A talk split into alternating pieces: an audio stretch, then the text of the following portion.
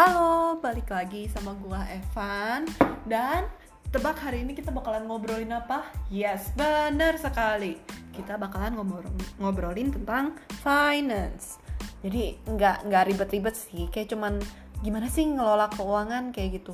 Nah, ini kan lagi masa-masanya pandemi tuh Kayak banyak banget yang kehilangan pekerjaan Mungkin yang penghasilannya dipotong atau mungkin yang bisnisnya tiba-tiba nggak jalan nah jadi kayak bingung gak sih? Kayak sebenarnya gimana ini gua gitu loh.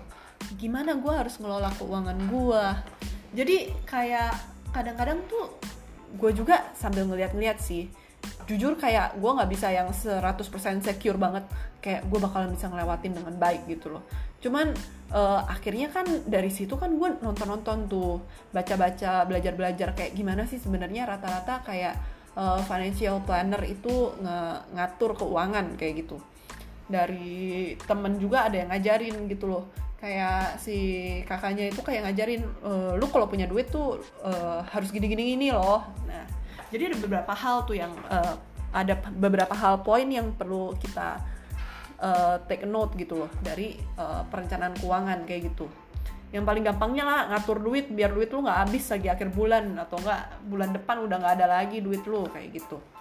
Yang paling pertama lu harus tahu gaji lu. Yes tentu harus tahu. Cuman kan kadang-kadang kita kayak nggak terlalu perhatiin kan ada apa yang kurang ada apa yang lebih ada mungkin ada um, bonus atau apa pun itu.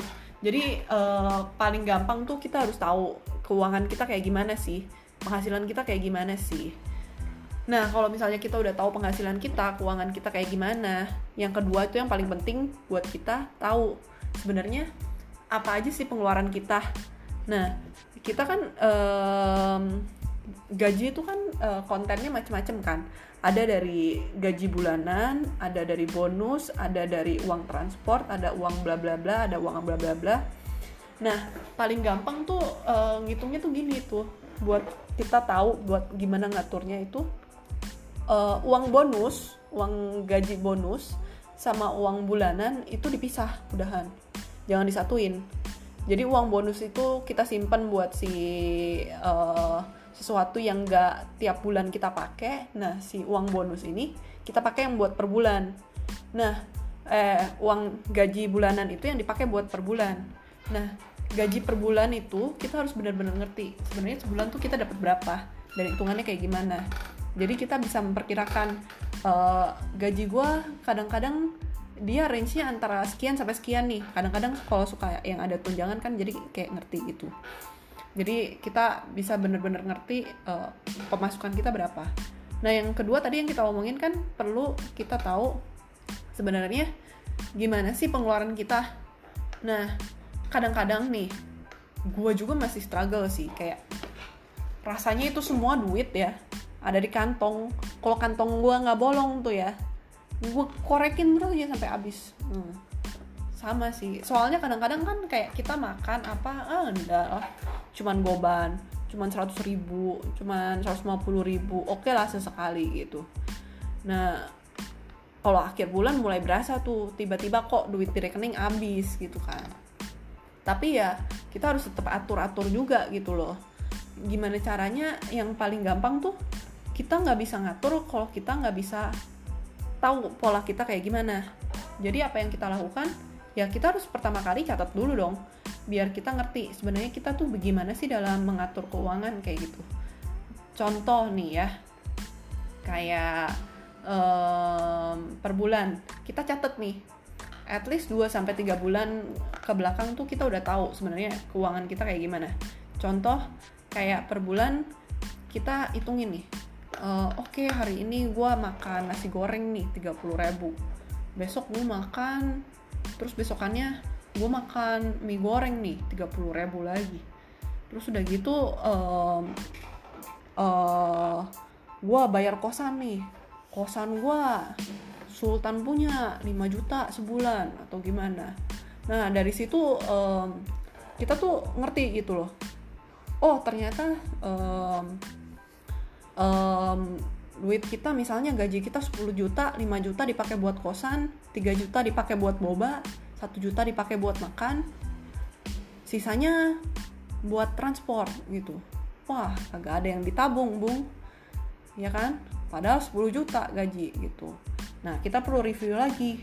Sebenarnya ada nggak sih dari pengeluaran itu yang bisa kita uh, perkecil gitu loh berapa jumlahnya gitu loh biar jangan dihabisin semua. Soalnya mau nggak mau kalau emang kita cuma ngabisin gaji ya gimana ya? Besok-besok kan kita masih perlu uang kan? Logis nggak? Kita harus punya tabungan dong. Kalau kita digaji cuma buat hidup nah itu yang masalah sih. Jadi kayak ya pekerja lepas gitu. Digaji kayak cuma dikasih makan dikasih kehidupan doang nah makanya kita harus ngatur-ngatur kan. Contoh nih misalnya um, uh, pendapatan kita sekian. Wah ternyata akomodasi kita terlalu mahal. Kita cek lagi apakah uh, kalau agak di bawah sedikit harganya dari itu masih dapat akomodasi yang nyaman nggak? Kayak gitu. Atau mungkin akomodasi kayaknya terlalu repot deh kayaknya uh, akomodasiku juga kayaknya nggak beda jauh kok sama yang lain. Oke. Okay. nah dilihat apakah pengeluaran kita ada yang nggak esensial? Contoh nih Starbucks boba. Kita tiga hari sekali pergi ke Starbucks tiga hari sekali pergi ke boba. Beli boba. Boba misalnya ya anggap aja kokumi gitu. Atau Starbucks yang harganya 50.000 segelas gitu loh. 50.000 segelas kita misalnya tiga hari sekali berarti sebulan 10 kali kan? Itu udah 500 ribu sendiri cuman buat Starbucks. Tiga hari sekali loh berarti seminggu cuma dua kali loh. Kalau misalnya udah seminggu misalnya lebih dari tiga kali nah itu perlu dipikirin lagi sih. Yang mana yang esensial yang mana yang enggak ya enggak? Uh, tergantung lagi sih sama pola hidup cuman uh, pasti ada yang bisa dioptimalkan dari apa yang kita lakukan kayak gitu atau mungkin dari makanan nih. Makanan misalnya kita jajan nih. Uh, makanannya kayak ah kantor gue uh, lumayan nih. Mau gimana lagi? Kita nggak bisa uh, hemat lagi. Ya kita di kantor rata-rata sih makan per kali tuh bisa 7000 8000 eh ya nggak 7000 sih bisa 10 uh, 100 ribu bisa 70 ribu 80 ribu. Hitung aja apakah itu masih relevan sama gaji yang kita terima sekarang? Soalnya kan nggak lucu kan kalau tiap bulan kita kerja kayak cuman buat makan doang kan. Ya menurut gue sih nggak nggak nggak bijak lah kayak gitu. Dan eh, kadang-kadang uh, kita emang siapin juga kan misalnya buat apa buat apa yang lain. Nah dari situ tuh kalau kita udah lihat per bulan kita ngerti ini pengeluaran kita kayak gimana dan kita ngerti nih maksimal kita uh, pengeluarannya sekian dan minimal pengeluaran kita sekian coba dioptimalin. Kira-kira sebenarnya pas lagi pengeluaran kita paling minimal tuh gaya hidup kita kayak gimana? Dan coba perhatanin hidup tuh biar kayak apa ya sebenarnya hidup itu murah. Yang mahal itu gayanya. Ya nggak? Tapi uh, bukan berarti kita tiap hari makan nasi telur ceplok doang sih. Ya nggak nggak masalah kalau makan nasi telur ceplok doang. Cuman uh, harus tetap disesuaikan sama kita maunya kayak gimana. Dan kalau misalnya gaji um, misalnya gaji kita tidak bisa menyesuaikan mau nggak mau gaya hidup kita yang menyesuaikan. Logis kan Nah, dari situ akhirnya kalau misalnya kita udah punya, udah punya kira-kira uh, pengeluaran kita enaknya sekian, pengeluaran kita uh, selama beberapa bulan untuk uh, untuk misalnya untuk makan sekian, untuk hangout sekian, untuk uh, nyimpen snack sekian, buat grocery sekian, untuk um, akomodasi sekian dari situ um, kita mulai baru bisa lanjut sih uh, ke step yang selanjutnya.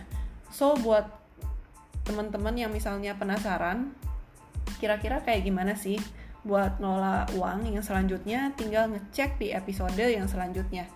Dan buat teman-teman kalau misalnya uh, ngerasa pengen uh, tanya-tanya pengen discuss juga open tinggal obrolin aja dan mungkin kalau mau uh, tanya-tanya ngobrol-ngobrol tinggal DM aja ke IG aku Evan Lisandra E V A N L Y S A N D R A di IG tinggal DM dan nanti kita ngobrol-ngobrol.